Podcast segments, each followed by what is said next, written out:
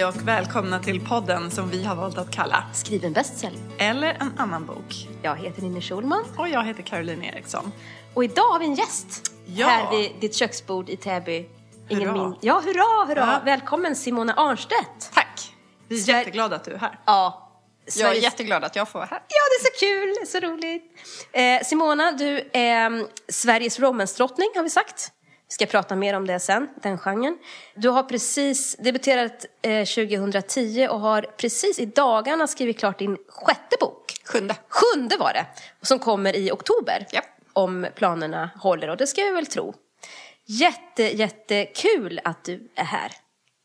Och vi brukar börja med hissen. Du brukar lyssna på podden har vi förstått. Jag har, eh, tror jag har hört alla avsnitt. ja, du ser. Vilken bra, bra gäst. Ja. Men du, eh, vad, då vet du, då känner du till hissen. Så om vi ska ha en liten, eh, var befinner sig, på vilken våning befinner sig din hiss idag? Ehm, den är nog ganska högt upp. Det är, ju, eh, det är ju som att det är två separata grejer. Dels skrivandet, dels privatlivet. Men det är högt på båda planen. Det- varierar ju så fort. Jag tänker på det. Igår, till exempel vid den här tiden, då var det ju på botten. Okej. Eh, precis när jag hade skickat eh, min, mitt manus, då drabbades jag av en fruktansvärd sån här dipp i självförtroende. Alltså den var helt så här, jag tänkte på det för jag vet att ni pratar i några avsnitt att det är ju det här, ja man, alla känner det men, men så som det är nu när jag känner det, det är ju, alltså, det är ju något helt annorlunda. Och man får ju liksom aldrig någon sympati från någon. Jag messade till en kompis och hon sa ja ja men det går ju över. Jag bara, det spelar ju liksom ingen roll. Men just precis idag känns det faktiskt bra. Ja. Vi eh, ska prata med dig idag och vi ska prata på tema redigering. Ja. Det är ju där vi befinner oss nu i podden. Så om vi har det som vår ingång här. Nu eh, står ju du inför att eh, börja, liksom redigera det här manuset som du har lämnat in. Men vi kan väl prata om lite grann hur du jobbar i största allmänhet med redigering. Hur ser din process ut när du redigerar? Det här är då mitt sjunde manus och eh, jag, jag tänkte på det innan jag åkte hit att det är ju så annorlunda mot hur det var med första boken. För där höll man ju på att pilla och pilla och pilla i evigheter innan man till slut vågade skicka in den till ett förlag.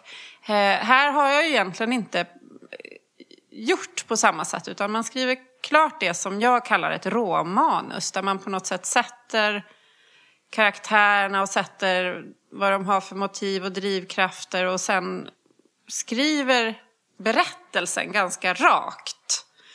Eh, och sen så lämnar jag in det till, den här gången har jag skickat till både min förläggare och den eh, person som ska redigera manuset och sen kommer jag få tillbaka det och då är ju syftet att förstärka allting. Man ska få mer tydliga karaktärer, man ska få bättre dialog. Det här manuset som jag skrivit nu ska bli en ganska rolig bok är det tänkt. Så det vore bra om, om humorn är, är, är, är rolig. Ehm, så att eh, jag kommer få tillbaka manuset och då kommer det vara ja, säkert 14 sidor med kommentarer och eh, någonting på varje sida. Mm, det känner vi igen. Ja, det känner vi igen. Ja, och då kommer jag eh, sätta, ja, först kommer jag väl tjura i tre dagar. Ja, jag tänkte precis säga. Hur reagerar du när du får de här 14 sidorna med kommentarer? Det kan ju Ja. vara lite utmattande. Men Det, hur, ja, alltså på, både, dels är det någon sån här känsla att gud det här kommer aldrig gå. Samtidigt som man shit vad mycket bättre det blir om det går. Och det är så speciellt för att jag längtar alltid så himla mycket efter att få den här feedbacken. Det är ju första gången på jättelänge kanske som, någon an, som man släpper in någon annan i sitt arbete. Även om jag har jobbat både med min förläggare, äh, min förläggare har läst och kommit med synpunkter och redaktören har också kommit med en del synpunkter på de tidiga kapitlen och på ett synopsis. Men det är första gången någon läser det man har skrivit så att på ett sätt så längtar jag ju jättemycket efter vad tycker de, vad kommer de tycka om den där scenen och kommer de gilla den där karaktären. Eh, Men, men redigeringen är ju till sin natur sån att de fokuserar ju på bristerna. Så man får ju liksom eh, en bunt med papper där det bara står allt som är dåligt. Det brukar vara sådär tre eller fyra rader kanske i början. som Ja, och det tror jag, ja, precis. Och det där har man ju förstått att så är det ju för alla. Liksom. Det här är en fantastiskt underhållande Kommer bok. att bli. Ja, det kommer att bli... Det är bara några saker som vi vill ta fram och så är det de här 14 sidorna med kritik. Som är jättebra, jag vill verkligen säga det. det, det är ju, alltså, syftet är ju att det här ska bli en bra bok. Och jag är ju sån där att när jag skickar mitt manus då skriver jag A4 med instruktioner. Och då börjar alltid säga, var hård, men var snäll också för det är ju lite jobbigt. Men var jättehård för det måste bli en jättebra bok. Och... Eh, så syftet är ju från deras håll att eh, göra det här till den bästa versionen av den här boken. Brukar du hålla med om feedbacken du får? Ja, det gör jag. Eh, Alltid? På ett sätt så måste man ju hålla med för att...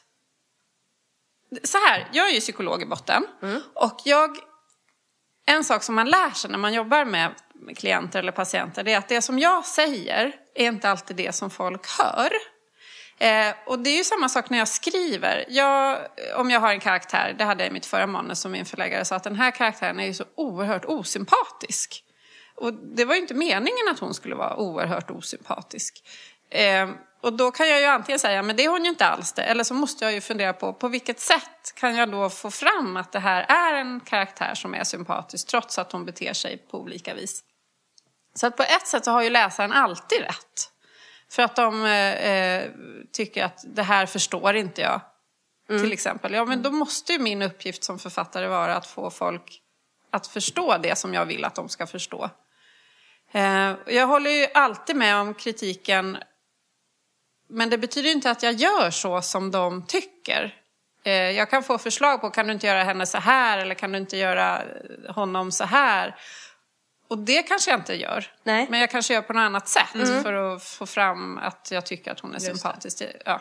Mm. Så att håller med gör jag. Men för, och det tror jag är för, för de flesta. Jag tycker en grej, förläggaren tycker en annan grej och sen så gör man på ett tredje vis. Mm. Och det är ju på något sätt det, det, är ju mm. det jag gör som författare. Om jag bara gjorde som förläggaren föreslog. Ja. Precis. Men, men om man ska vara jättekonkret, vi försöker ju vara det här i podden. Ja. Den här karaktären då som de tyckte var osympatisk. Eh, hur gjorde du konkret för att få henne sympatisk? Om du tänker i eh, agerande eller tankar eller vad var det som du tog bort och vad la du till? Jag Minns du det? Ja, då, eh, jag la till mer bakgrund till exempel som man förstår. Mm. jag la till eh, om hon säger någonting osympatiskt eller som man kan uppleva som osympatiskt så kanske jag ändå la till det här som man kan kalla undertext. Att, hon, att man, hon tänker kanske någonting annat och sen så kommer det ut lite fel eller man förstår, eh, att man mer förstår varför hon säger saker och ting. Jag sitter och funderar på det manuset som jag skriver nu. Eh, där fick jag också någon, eh, sådär att man inte förstod riktigt varför någon gjorde si eller någon gjorde så en sak som jag ofta får det är så här, ja dina kvinnliga karaktärer de, de, de, de verkar så arga på män. och då tänker jag liksom att de ska vara så starka kvinnor men så, kommer det, så blir det som att de är lite arga istället. Ah, okay. och, och, det är ju inte egentligen meningen. Så det kan bli ofta så att jag får jobba med det lite grann. Ah. Kanske låta någon vara arg men också lägga till någon mer humor eller självironi eller någonting. Mm. Jag tänker i, i redigeringen är ju på något sätt syftet hela tiden att om det ska vara en rolig scen så ska den så blir mitt syfte att göra den ännu roligare. Mm. Ska det vara en erotisk scen så är det meningen att den ska vara ännu sexigare. Mm. Jag har något sånt här dokument på engelska som handlar om att göra alla scener mer ear, mm. sexier, mm. funnier. Okej, okay, ladda dem mer Ladda dem, liksom på något sätt ta fram vad är, vad är sansen mm. i den här scenen? Vad, vad ja. vill jag med den här scenen? Är det en eh, känslosam scen? Är det en scen där de bråkar? Är det en scen där de eh, upptäcker vad de känner för varandra? Och sen göra det mer av ja. det. Jag är ju inte riktigt någon sån här less is more-person. så, så mina böcker, det, det ska ju vara mycket. Mm. Liksom mycket. Mustigt sådär. Ja. Mm. Ja, inte bara mustigt, det kan ju vara en väldigt känslosam mm, scen och då mm. vill jag, jag, vill, jag tror jag kanske vill maximera. Mm. Mm. Ja.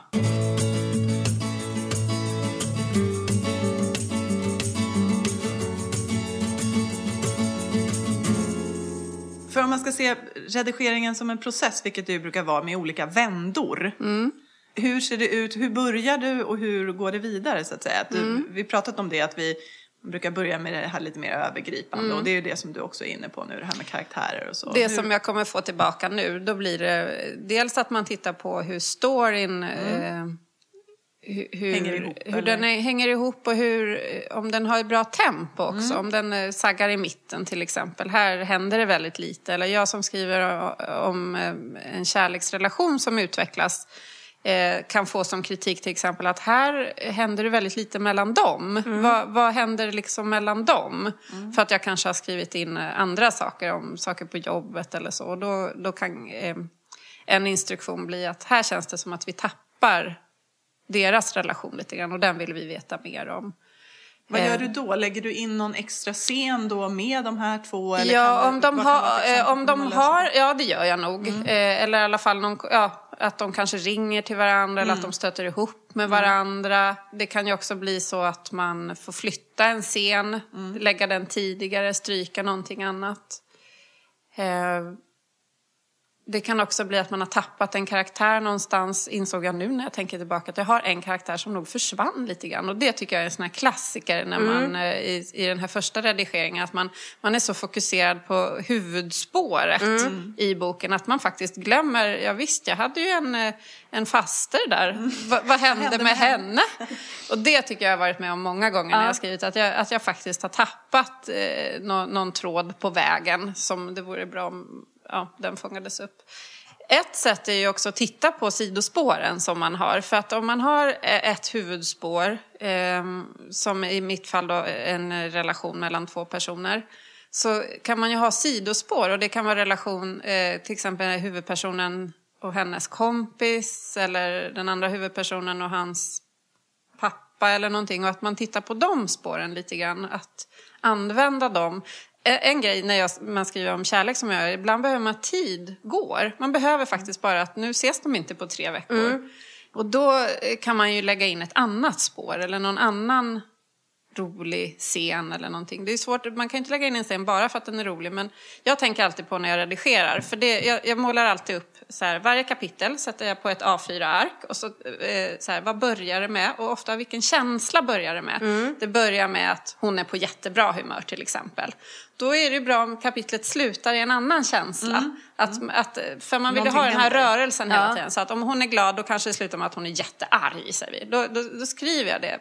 Liksom, första är hon är glad och sen ska hon bli arg. Då vet jag ju det redan för det har jag ju redan skrivit det här kapitlet när jag håller på att redigera. Men då tittar jag lite grann också på vad måste hända för att det ska ske? Eh, och hur kan jag på något sätt, jag tänker på det som suga ut det göttigaste, vad vill man läsa?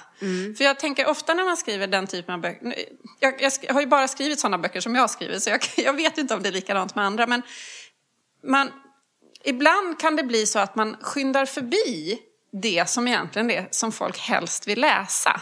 Till exempel kan det vara så här om man har en väldigt, säg att de ska börja bråka till exempel. Om det här kapitlet ska sluta med att hon blir helt skogstokig på honom för han är en idiot. Ja. Då kan det ibland bli att det går så fort det här att när, när de börjar bråka eller att, att, man, att man stressar förbi det. Det är väldigt, eh, jag skulle säga att det är typiskt nybörjarmisstag, det är typiskt lätt gjort också, för det är ganska svåra scener att skriva. Man vill bara komma till när hon kastar luren. Ja, nu för tiden kan man inte kasta lur, det är också en grej. Man kan inte kasta lurar, men de trycker argt på displayen på smartphonen. Eh, men att man suger ut det här, eh, liksom den här göttiga scenen. Och om ni vill ha ett jättekonkret tips, ibland när jag känner shit vad det här går fort, vet ni vad jag gör då? Nej. Och det här är, alltså det, ja. Då tänker jag så här, ja den här scenen var tre meningar. Då, ska jag, då lägger jag till, då gör jag den dubbelt så lång. Och så skriver jag bara en mening till för varje mening jag har redan har skrivit.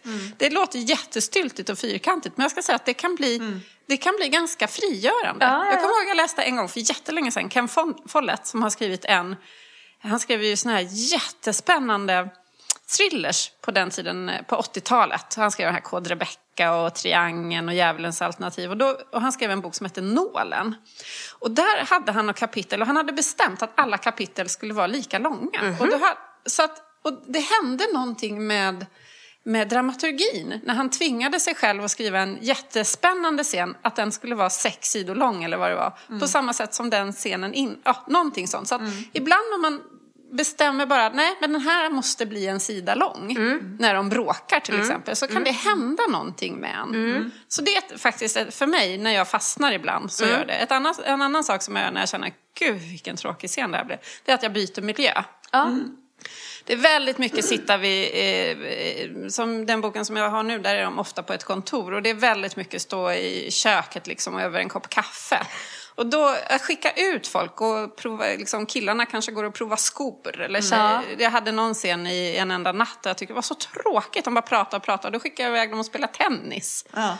Så att någonting händer när man, eh, eller någon gång har jag satt dem i någon bil eller, ja. Så att det är också en sån här konkret Jättebra. tips. Byt miljö och gör den gärna så otippad som möjligt. Jag tänker just det här, två män som går ut och provar skor ihop samtidigt som de pratar om någonting Det är ovanligt. jätteviktigt. Ja, och det, det händer saker i, när man börjar jobba med miljöerna runt. Ja, ja. Men du, är, det, är redigering för dig, åtminstone till en början, handlar det om att lägga till eller ta bort? För mig handlar det om att lägga till, Ja. nästan alltid. Mm, För jag att tolkar jag har ofta skrivit igenom mina scener så att jag vet vad som ska hända, jag vet hur, vad, vad de ska prata om, jag vet ungefär vad de säger till varandra. Ibland kan det vara så här säger han något jättespydigt och då svarar hon jätteilsket. Det kan liksom stå så för att Ja. jag har inte riktigt bestämt vad de ska prata om. Så att när jag sen skriver de scenerna, och det blir ofta ju... ju Kan det när- stå så i rånmanuset som du Ja, lämnar in? ytterst sällan, men det har hänt Ja. några gånger. Ja. Någon, gång, någon gång har jag skrivit det också. Här blir det jättehett sex. Punkt, punkt, punkt. Nej, inte ens punkt, punkt, punkt, utan bara här blir det kyssar och hångel och sen blir det jättehett sex. Men det hör till, och någon gång skrev jag på slutet när jag var så jättetrött på min bok och jag hade verkligen jättetajt deadline, då skrev jag att här blir det en rafflande epilog. Men, Det men man kan inte ha för mycket sånt Nej. när man lämnar in, men eh, det har hänt. Men Eh, några få kan man ha. Ja, typ. Mm. Och sen blir det också, tycker jag, ju närmare slutet av boken jag kommer, desto mer stolpar kan det bli. För att det är så många saker som man inte riktigt har tänkt igenom och som hänger på Mm. hur man löser kapitlen innan. Det, jag var på någon sån här föreläsning någon gång, en amerikansk författare som sa, en, en, eh, det lämnar jag till Future, sitt eget namn, har, framtida Simona får ta det. Men sen är man ju plötsligt där Ja, i framtiden. ja. Så att, eh, ja. Och då har en tendens att gå fort. Men det kan ju ha legat och marinerat då kanske Ja, fast det, där, det är ju aldrig så. Det ligger ju aldrig och marinerar. Det där är ju det, där är ju det mest självbedrägliga beteende man kan ägna sig åt. Att jag, jag låter den där meningen vila, för då har jag säkert kommit på något jättebra. Det händer ju aldrig.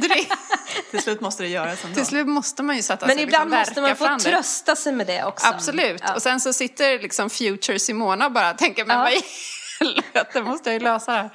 Så, så, ja, så, så, så att eh, jag tänker, eh, man har ju alla de här metaforerna. Jag vet Vivica Sten pratar om att det är som att bygga ett hus när man skriver sitt manus. Först är råmanuset, det är Ehm, ja, jag vet inte hur man bygger hus, men det är väl några stolpar som kommer upp och sen så börjar man sätta på väggarna. Och, och jag tänker på det mycket som en skulptur. Att först har man någon sån här oformlig, vad man nu skulpterar i, trä eller någonting, något block.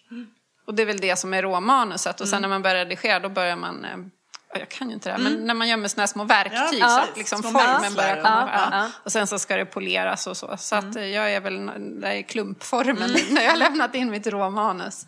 Så att på många sätt så blir ju boken till i redigeringen egentligen. Eh, men, men ju bättre råmanus jag lämnar in, för det är ju också hela det här att ju bättre råmanus man lämnar in desto bättre feedback kan man få. Ja. Det är därför man aldrig kan lämna in bara en så här idé till ett förlag eller en halv bok.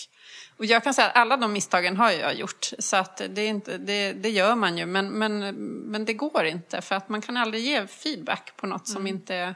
Det blir utförandet som måste eh, bedömas på något vis ändå. Ja, och om jag skriver hon säger något spydigt här och han svarar något argt tillbaka. Det går ju inte att bedöma liksom. Nej, det kan ju vara hur dåligt eller hur bra Ja, som helst. precis. Ja. Ja, Eller det här har de en jätterolig dialog. Ja, det är så underbart att höra dig. För som sagt, man tänker när man själv sitter där och skriver här, här är hon arg på något. Eller liksom, man Ja, precis. Och så bara, det är nog bara jag som sitter och gör så här. Gud vad jag är oproffsig. Och gud, vad, vad ska förläggaren säga? Och så, det är så skönt att höra att du också, för det känns som att vår process liknar varandra ganska mycket. Och du och jag Ninni har ju faktiskt samma förläggare. Ja. Så att eh, de är vana.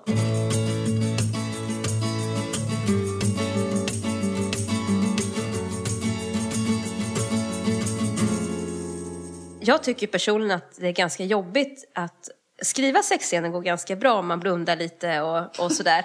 eller försöka sig på något sånt. Men att redigera det eller gå igenom korrektur tillsammans med sin redaktör och så bläddrar man lite fort på vissa ställen så för att det blir lite genant. Hur tycker du att det är? För du, har ju, du, du skriver ju en genre med mycket kärlek och, mm. och så. Kan du eh, förhålla dig till det ja, professionellt eller blir ja, det intimt det, nej, men, nej, nej, men det måste man ju vara professionell. Det, det, blir inget bra annars. Eh, eh, och man måste ju vara väldigt eh, sårbar när man skriver även erotik. Mm. Det här, för det, ja. Och sexscener måste ju alltid fylla en funktion i boken. De mm. måste ju driva handlingen framåt. Och så är det ju för mig när jag skriver mina eh, olika kärleksscener. Det är kyssar och det är hångel och det är olika typer av erotik. Och det måste ju alltid ske en förändring hos karaktärerna. Mm. De, de är ju annorlunda efter att de har haft sex. Eh, och det kanske låter självklart, men det tycker inte jag alls att man... Eh, det kan man ju se ibland när folk har skrivit erotik och den är bara ditlagd. Den, mm. det, vad, vad händer med dem sen? Jag kommer ihåg när jag skrev En enda hemlighet som är väl min mest eh, hur ska man säga, avancerade rent erotisk bok så kommer jag ihåg att jag tog med, skickade in den till förlaget och då hade vi sådana möte, Karin, min förläggare och John då som eh, hjälpte till att manusutveckla det. Och vi satt där och vi pratade och pratade och vi pratade inte om erotiken men jag visste ju att det kommer snart. Och det var, det var väldigt, alltså den var så himla eh, annorlunda den här erotiken som jag skrev och, då, och sen så säger Karin, ja Simona, och sen måste vi prata om sexet. Och förlåt Karin nu att jag berättar det här. och då, då, såg både hon och John lite bekymrade ut sådär och så började de gå igenom med allt det som de inte tyckte var bra. Och det var ju en del, vi satt väl en timme och pratade om det som inte var bra med erotiken i den boken. Och jag kommer ihåg sen när jag gick hem så tänkte jag, men gud, tack gode gud att de fick den censurerade versionen.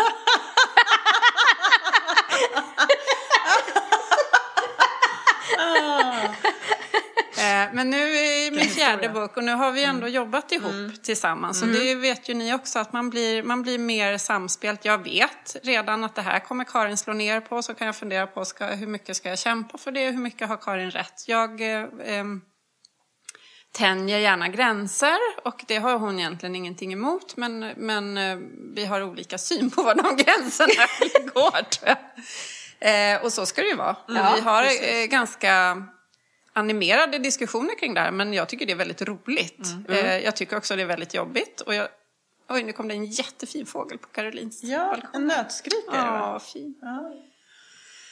Eh, men det är jobbigt. Men eh, jag tänker så här, alltså om man som författare undviker saker för att det är jobbigt, mm. Mm. det blir ju jättekonstigt. Mm. Det, det är ju tvärtom, det är dit man ska mm. storma då på mm. något sätt. Men jag, Där tycker det, känns. Det, ja, mm. jag tycker det är svårt. Eh, jag tycker att man måste lägga ner Ja, men skriver man en scen som är sorglig eller skriver man en scen som är hemsk så är målet att man själv ska uppleva de här känslorna. Samma sak med erotik. Och, det blir ofta mycket hö runt sex och hehe runt sex men, men eh, man måste ta det på jättestort allvar mm. när man skriver.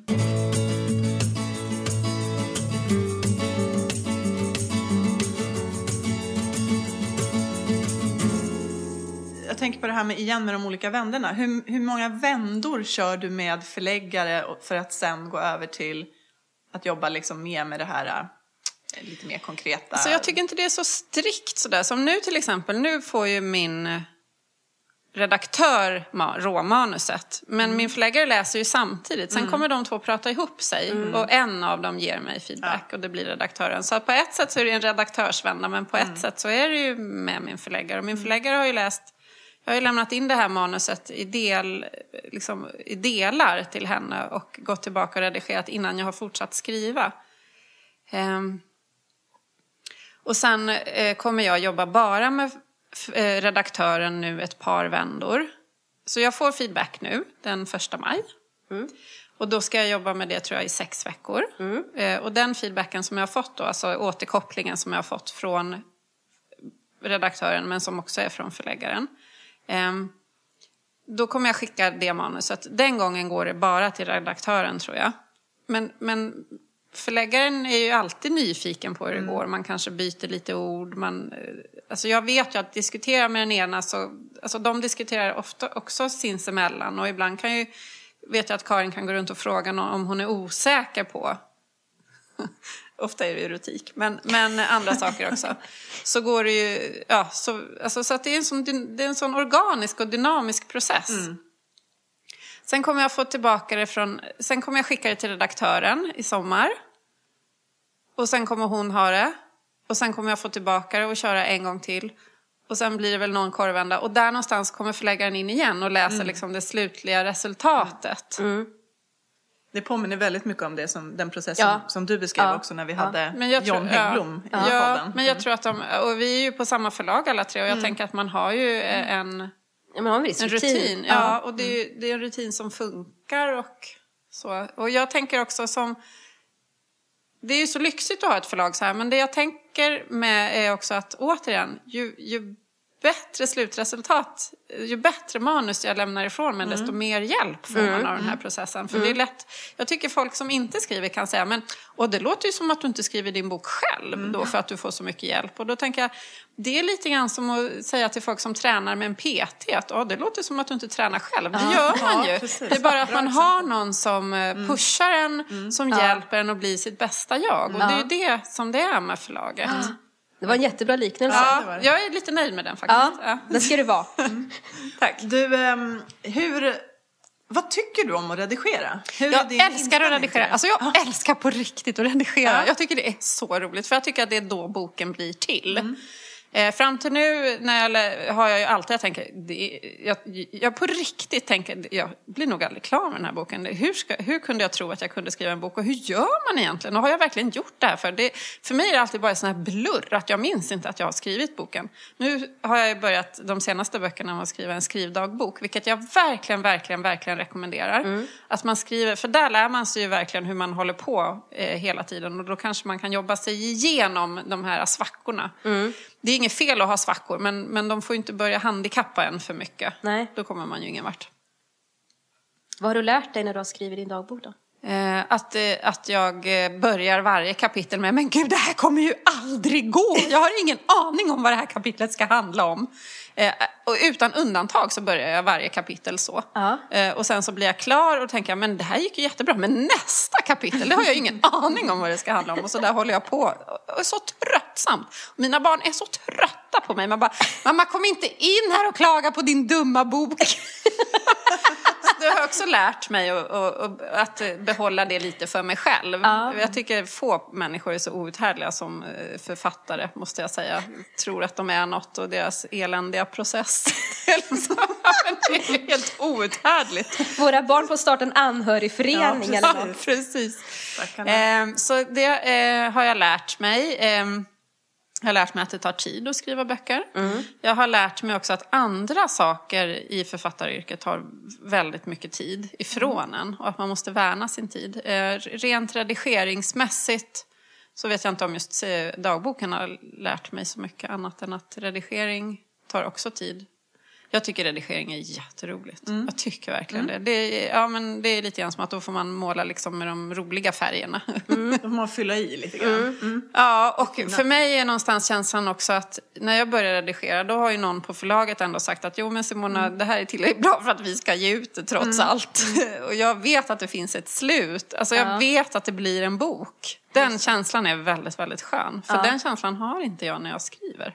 Och jag ändrar in i slutet på, jag har precis strukit, jag vet inte vad eh, min förläggare kommer säga om det, men jag har precis strukit det som var liksom mitt fantastiska slut. Så jag tänkte, men det funkar ju inte. Det såg säkert hon redan från början, men sa ingenting.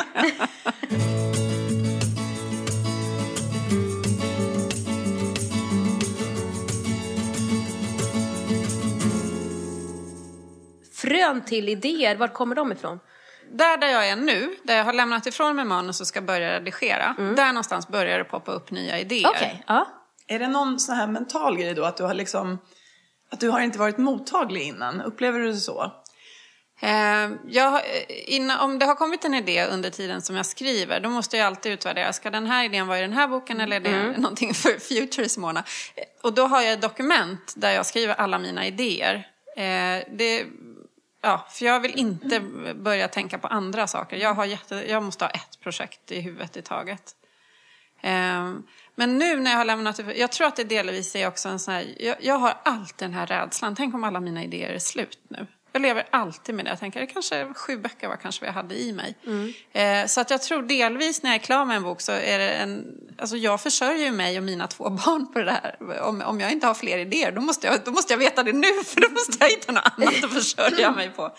Så att delvis är det skräck. Jag mm. tycker man kan inte underskatta skräck som drivkraft och motivation. Eh, så delvis det. Eh, delvis så är det också en känsla när man har skrivit klart en bok så är det ju så himla mycket man har valt bort. Mm. Och jag har alltid den här känslan, ja men nästa bok, den, där, där ska jag göra allt det där som jag hade tänkt men på något sätt blev tvungen att välja bort. Mm. Så det är också någon sån här eh, lite euforikänsla, någon sån här frihet, åh nu, nu ska jag göra den där boken. För som den här boken har utspelat sig i Stockholm och det är klart, då har jag ju valt bort vissa saker. Mm. Den utspelar sig under en viss årstid. Mm. Det är en viss typ av personer så att då kommer alltid den här, åh nu vill jag göra någonting som är lite annorlunda. Um, så att där någonstans börjar det. Och då, då, går ju det lite grann i huvudet av sig självt. Jag skriver ingenting utan jag, det, jag kan, ja, på vägen i bil, när jag satt i bilen hit så låter jag liksom tam, tankarna löpa. Sen får jag ju tillbaka mitt, eh, det jag ska redigera och då jobbar jag med det. Men där någonstans, kanske när jag lämnar ifrån mig det redigerade manuset så börjar jag kanske titta på dra upp lite riktlinjer. Jag fick ett mejl från min förläggare igår som undrar lite grann hur jag tänker framåt. Mm. För att förlagen ligger ju, liksom, de planerar ju redan nästa år. Mm. Så att det, det, blir också så lite automatiskt. Ja. Men jag börjar ju inte skriva förrän den här boken är klar. Nej. Men du, känslan då? Alltså för det pratade vi om mm. när vi pratade om idéer.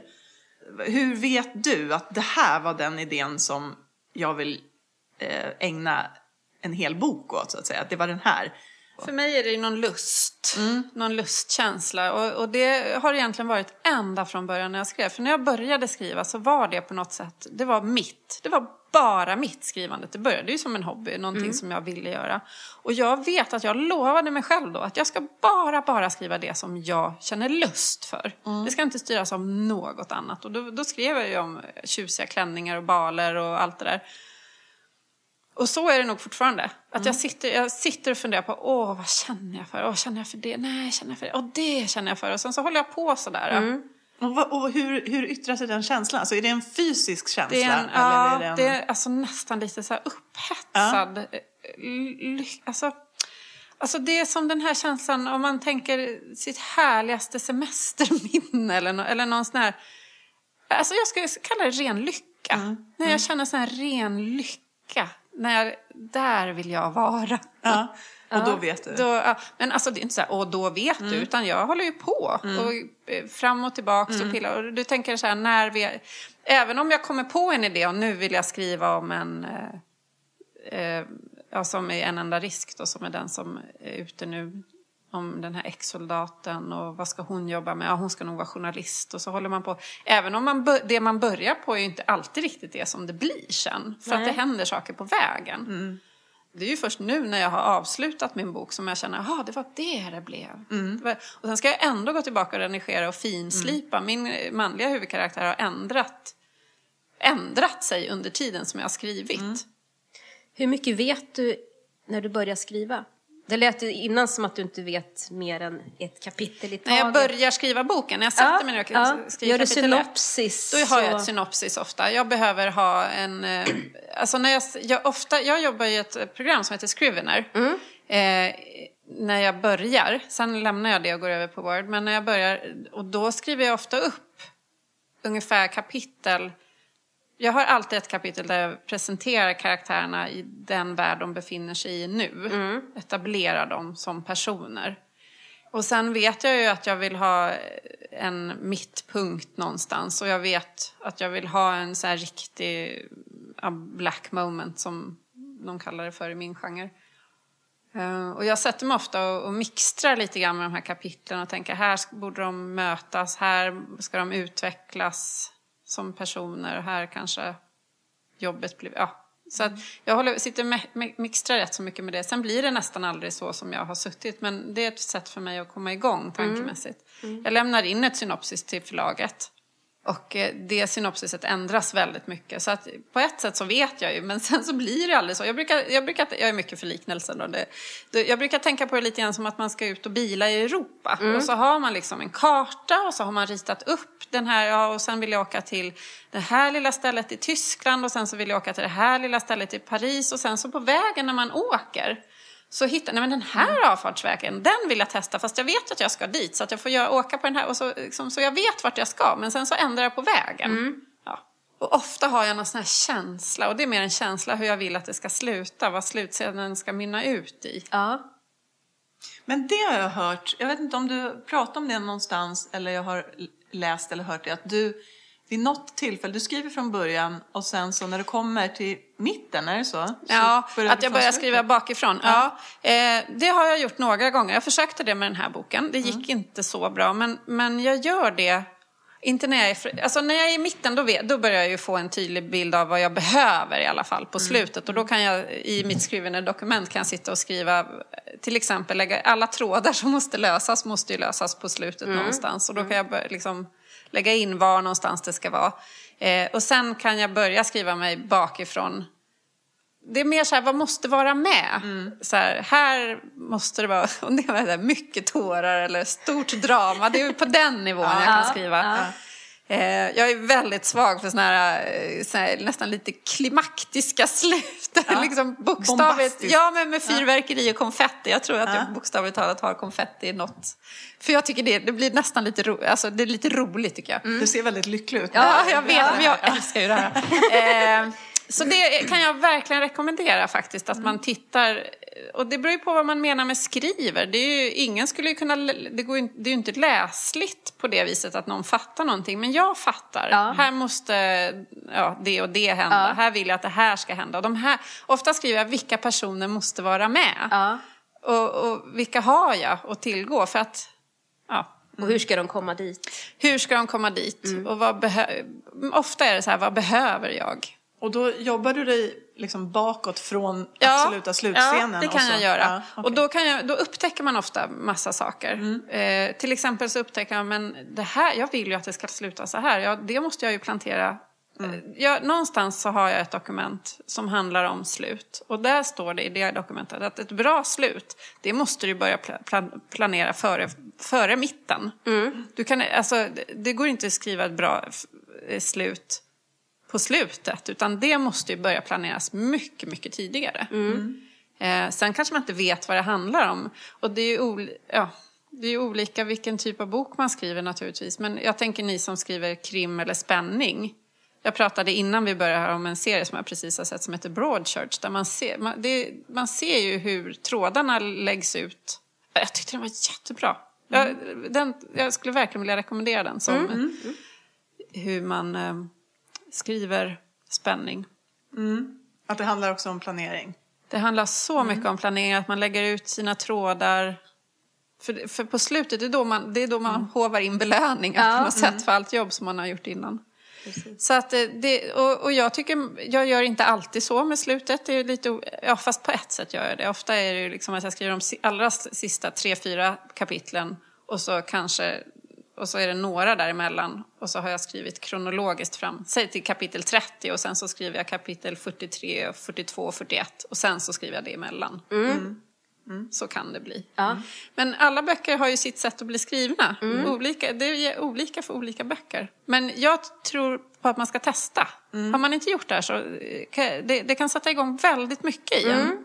Det lät Även om man- jättespännande. Även om man inte vet hur boken slutar. För folk säger, ja men jag har ingen aning om hur en bok slutar. Men man måste ju, man måste ju ha någon idé. Ska det vara ett år senare? Ska alla vara glada?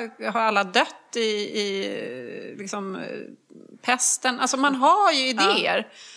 Och man Ja. har väl någonting i alla fall, det här måste vara med. Ska det vara ett öppet slut? Ska det vara ett lyckligt slut? Ska det vara en epilog? Man har, och, och börjar man skriva slutet så sätter det igång idéer. Jag tycker mm. väldigt mycket av skrivandet i början är ju för att få igång idéerna. Mm. Och lösa saker. Ja. Mm, jättebra, jättebra tips. Ja, jätteintressant.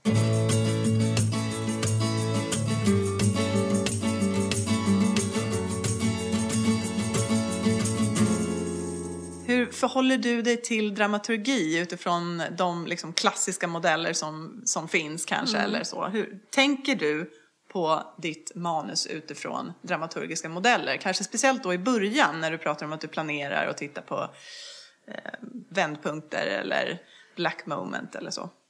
Jag tänker på det eh, och sen så glömmer jag bort det och sen så säger min förläggare, ja de här vändpunkterna och tänker jag, shit vilka vändpunkter pratar hon om? så att ja, det gör jag väl, men jag tror lite mer intuitivt och jag tror någonstans att det är väl det man har som författare i sig. Eh, som och uppvuxen med den här västerländska berättartekniken, någonstans så sitter ju det lite grann i ryggmärgen hur, hur man tänker kring det. Eh, och det är ju en erfarenhet naturligtvis. Jag har ju ändå mina andra böcker i ryggen. Så att redigeringen kommer ju mycket att handla om att, eh, hur ska man säga, vässa vändpunkterna. Mm. I, I mina vändpunkter, alltså en vändpunkt är ju någonting händer som spinner iväg historien åt något annat håll. Och skriver man kärleksromaner så är det ju ofta en vändpunkt, det är ju ofta första kyssen till exempel. Eller att de, blir, eh, att de drivs isär om, rent eh, geografiskt eller känslomässigt. Eller någonting. Och att vässa dem. Och då är jag tillbaka på det här lite grann med att man tar ut det göttigaste. Då. Att om det är en kyss, jätteviktigt i den här typen av litteratur, om det är några som vill skriva romance som lyssnar på det här, eller alla, överhuvudtaget sådana här relationsromaner, att läsaren får vara med vad som händer efteråt i personerna. För Mm. det är så lätt att slarva bort. Ja, de kysstes och det var fantastiskt. Nej, nästa dag så gick de och började, gick till jobbet eller drack kaffe Mm. eller spelade tennis. Och så reflekterar de inte över detta som har hänt. Och jag tänker, så, så är det ju inte i verkliga livet om man träffar någon och så efter första kyssen. Man är ju ganska uppfylld av detta. Mm. Och att låta läsaren vara med i det.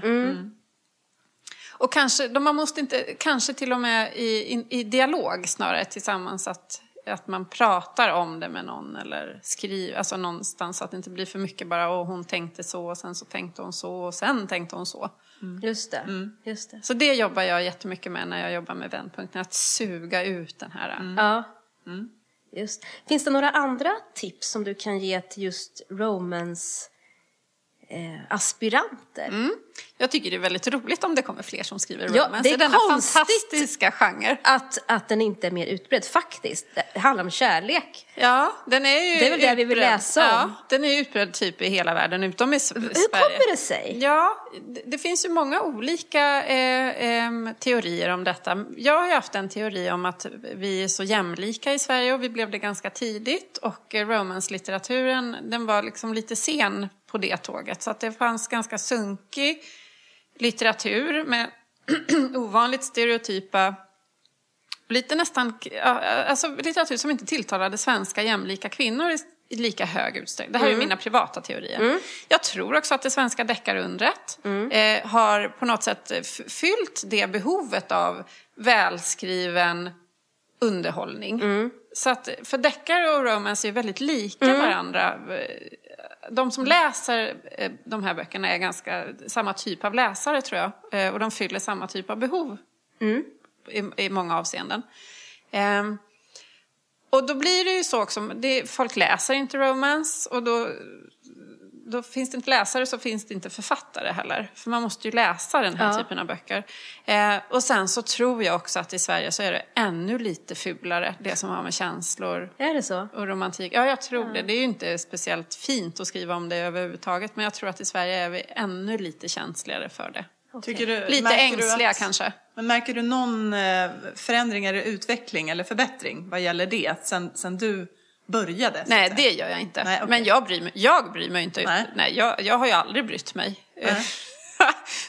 då, hade jag ju inte, då hade det inte blivit något skrivet om jag Nej. hade brytt mig om vad folk tycker. Det kan jag ju säga. Det här- kanske är ett av de tipsen då till, eller jag tänkte vi, för jag- vi, vi var inne på det här med, Ja, jag- Ninni frågade om tips till Ja. Ja, men, jag, ja, men om, man måste ju skriva den här genren för att man älskar den. Mm. Det tänker jag, det måste man ju göra alla typer. Alltså, så här, jag brukar säga så här, man måste älska sin bok. För det finns alltid en reell möjlighet att man kommer vara den enda människan i hela världen som läser den. Så att man måste, och så var det ju för mig när jag skrev. Ja. Jag, älskade ju, alltså jag älskade ju min första bok och mitt första manus på, på, på, ett sätt så att säga som någon hade bett mig att välja mellan barnen och min bok så vet jag inte vad jag Alltså det var ju på den nivån. Och det, eh, för, för ibland har jag, ja ah, men jag kanske också ska skriva sånt där snusk. Det verkar ju gå bra. Och då tänker jag, men du måste ju, du måste ju älska det du gör. Mm. Ja, så det är första. Ja. Skriv de böcker du älskar och mm. älskar du de här böckerna så är det jätteroligt att skriva dem. Mm. Eh, läs mycket romance, mm. klassiskt tråkigt tips men det är ju sant. Mm. Om inte annat så för så att undvika att skriva eh, det som alla andra redan har skrivit. Mm. Det går ju inte att uppfinna hur nya berättelser som helst men man kan ju ge sin egen twist mm. på det. Ja. Eh, tänk modernt. Ehm, jag tror en anledning till min framgång, och nu är jag framgång i citattecken, är just att jag har ehm, att jag skriver på ett sätt som uppfattas som modernt och angeläget och mm. fräscht mm. i dagens samhälle. Skriv så som världen ser ut. Mm. Ja. Um, censurera inte dig själv stå ut med tanken på att någon kommer tycka det är töntigt det som du skriver. Man måste stå ut med att folk kommer tycka man är larvig som skriver om känslor. För det är liksom, det är så lätt.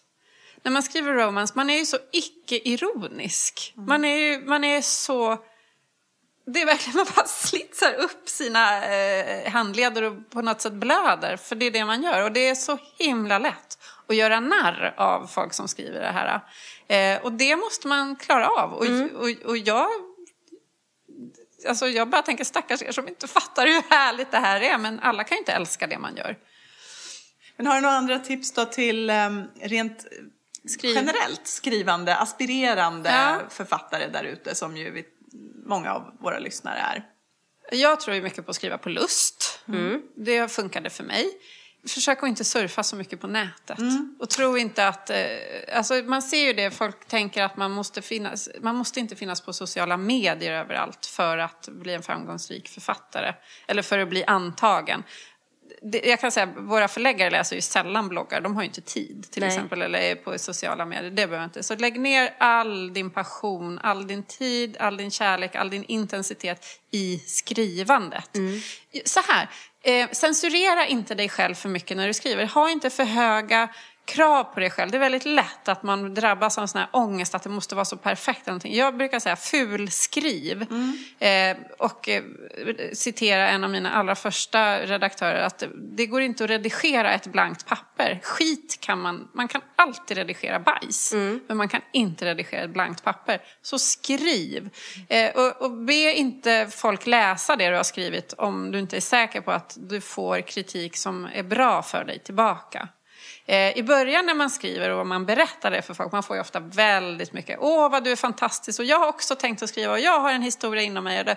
Men sen när man har hållit på i några år så börjar ju folk undra, men är inte den där jäkla boken klar snart? Mm. Så att, att, vara medveten om det, att du måste brinna för det här själv och du kommer få väldigt lite stöd ju längre det tar. Men man måste hitta glöden i sig. Mm. Och sen vill du tjäna pengar, så välj nästan vilket annat yrke som helst. ja, precis. Eh, ha inte det som en motivationsfaktor. Nej, nej men det går inte. Då, då blir man i värsta fall bitter och, och nästan garanterat, alltså fattig blir man ju nästan garanterat. Särskilt, och, och det tar sån tid. Jag försörjer mig själv på detta nu, mig och mina två barn. Men vi bor väldigt, väldigt enkelt. Vi åker aldrig någonstans. Eh, och så så att, eh, det, det, är ingen glamour. Och är det glamour man vill ha, det måste ju finnas lättare sätt att få glamouren.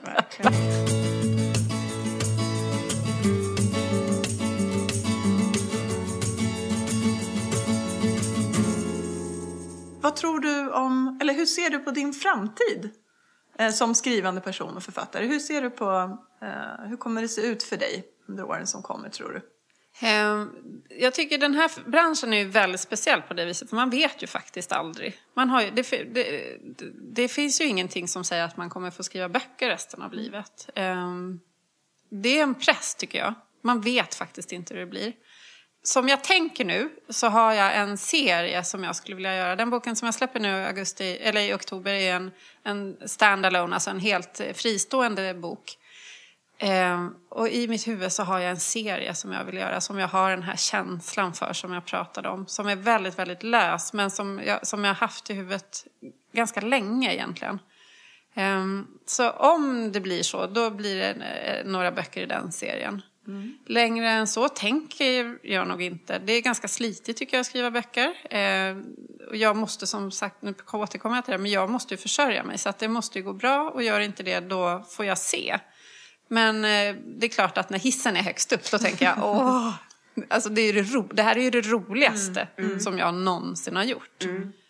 Mm. Eh, och jag hoppas väl att jag får fortsätta med det. Jag tycker också det är ett kul jobb för jag tänker att det här kan, då måste man inte pensionera sig. Jag tänker det är sån ynnest att mm. faktiskt kunna tänka så att åh vad härligt, jag behöver inte pensionera mig, jag kan få mm. hålla på med det här jättelänge. Så att jag tycker det är, det är en sån ynnest att faktiskt känna så inför det man håller på med. Tusen tack för att du kom hit. Tack idag. för att jag fick komma, jag är så tack. nöjd. Tack. Ja, jätteroligt att ha dig som gäst och inte bara lyssnare till podden. Ja, ja. Tack. Ja, vi ska tacka Timmy Strandberg som vanligt också som klipper. Precis, och Josh Woodward som vi lånar musiken av. Vi börjar närma oss slutet av den här podden. Eh, nästa vecka går vi in i den sista fasen som vi har valt att kalla för färdigt manus och en sen då. Och där kommer vi att gå igenom olika sätt man kan publicera sitt manus på. Man kan ge ut själv och man kan kontakta en agent eller ett förlag eller en lektör eller sådär. Vi kommer att gå igenom det här på olika, olika sätt mm. med start nästa vecka. Mm. Och då är det fyra veckor kvar bara sen, sen är vi i mål. Ja, precis. Så vi hoppas att ni är med ända in i, ända in i mål helt enkelt. Mm. Tack för idag allihop. Hörs vi nästa vecka. Ja, det gör vi. Ha det bra. Ha det bra. hej. hej. A sticky summer's day in Shepherdstown And Eagle in a thermal is a circling around Like a tire on a bike rolling down Columbus Street. But Katie got a little look of hope in her eyes And her arms unfold and she looked to the skies And said, I'm gonna learn to fly around with you, yeah. She jumped up high and she fell to the ground And skinned her little knee and made a horrible sound. She got right up tried it again and smiling all the way with her unstoppable grin. Take time, do what you're gonna do, and just smile. You're gonna see it through. Your wings are gonna sprout and lift you off the ground. Oh no, take time, do what you're gonna do. Just smile, you're gonna see it through. Your wings are gonna sprout and you will learn to fly.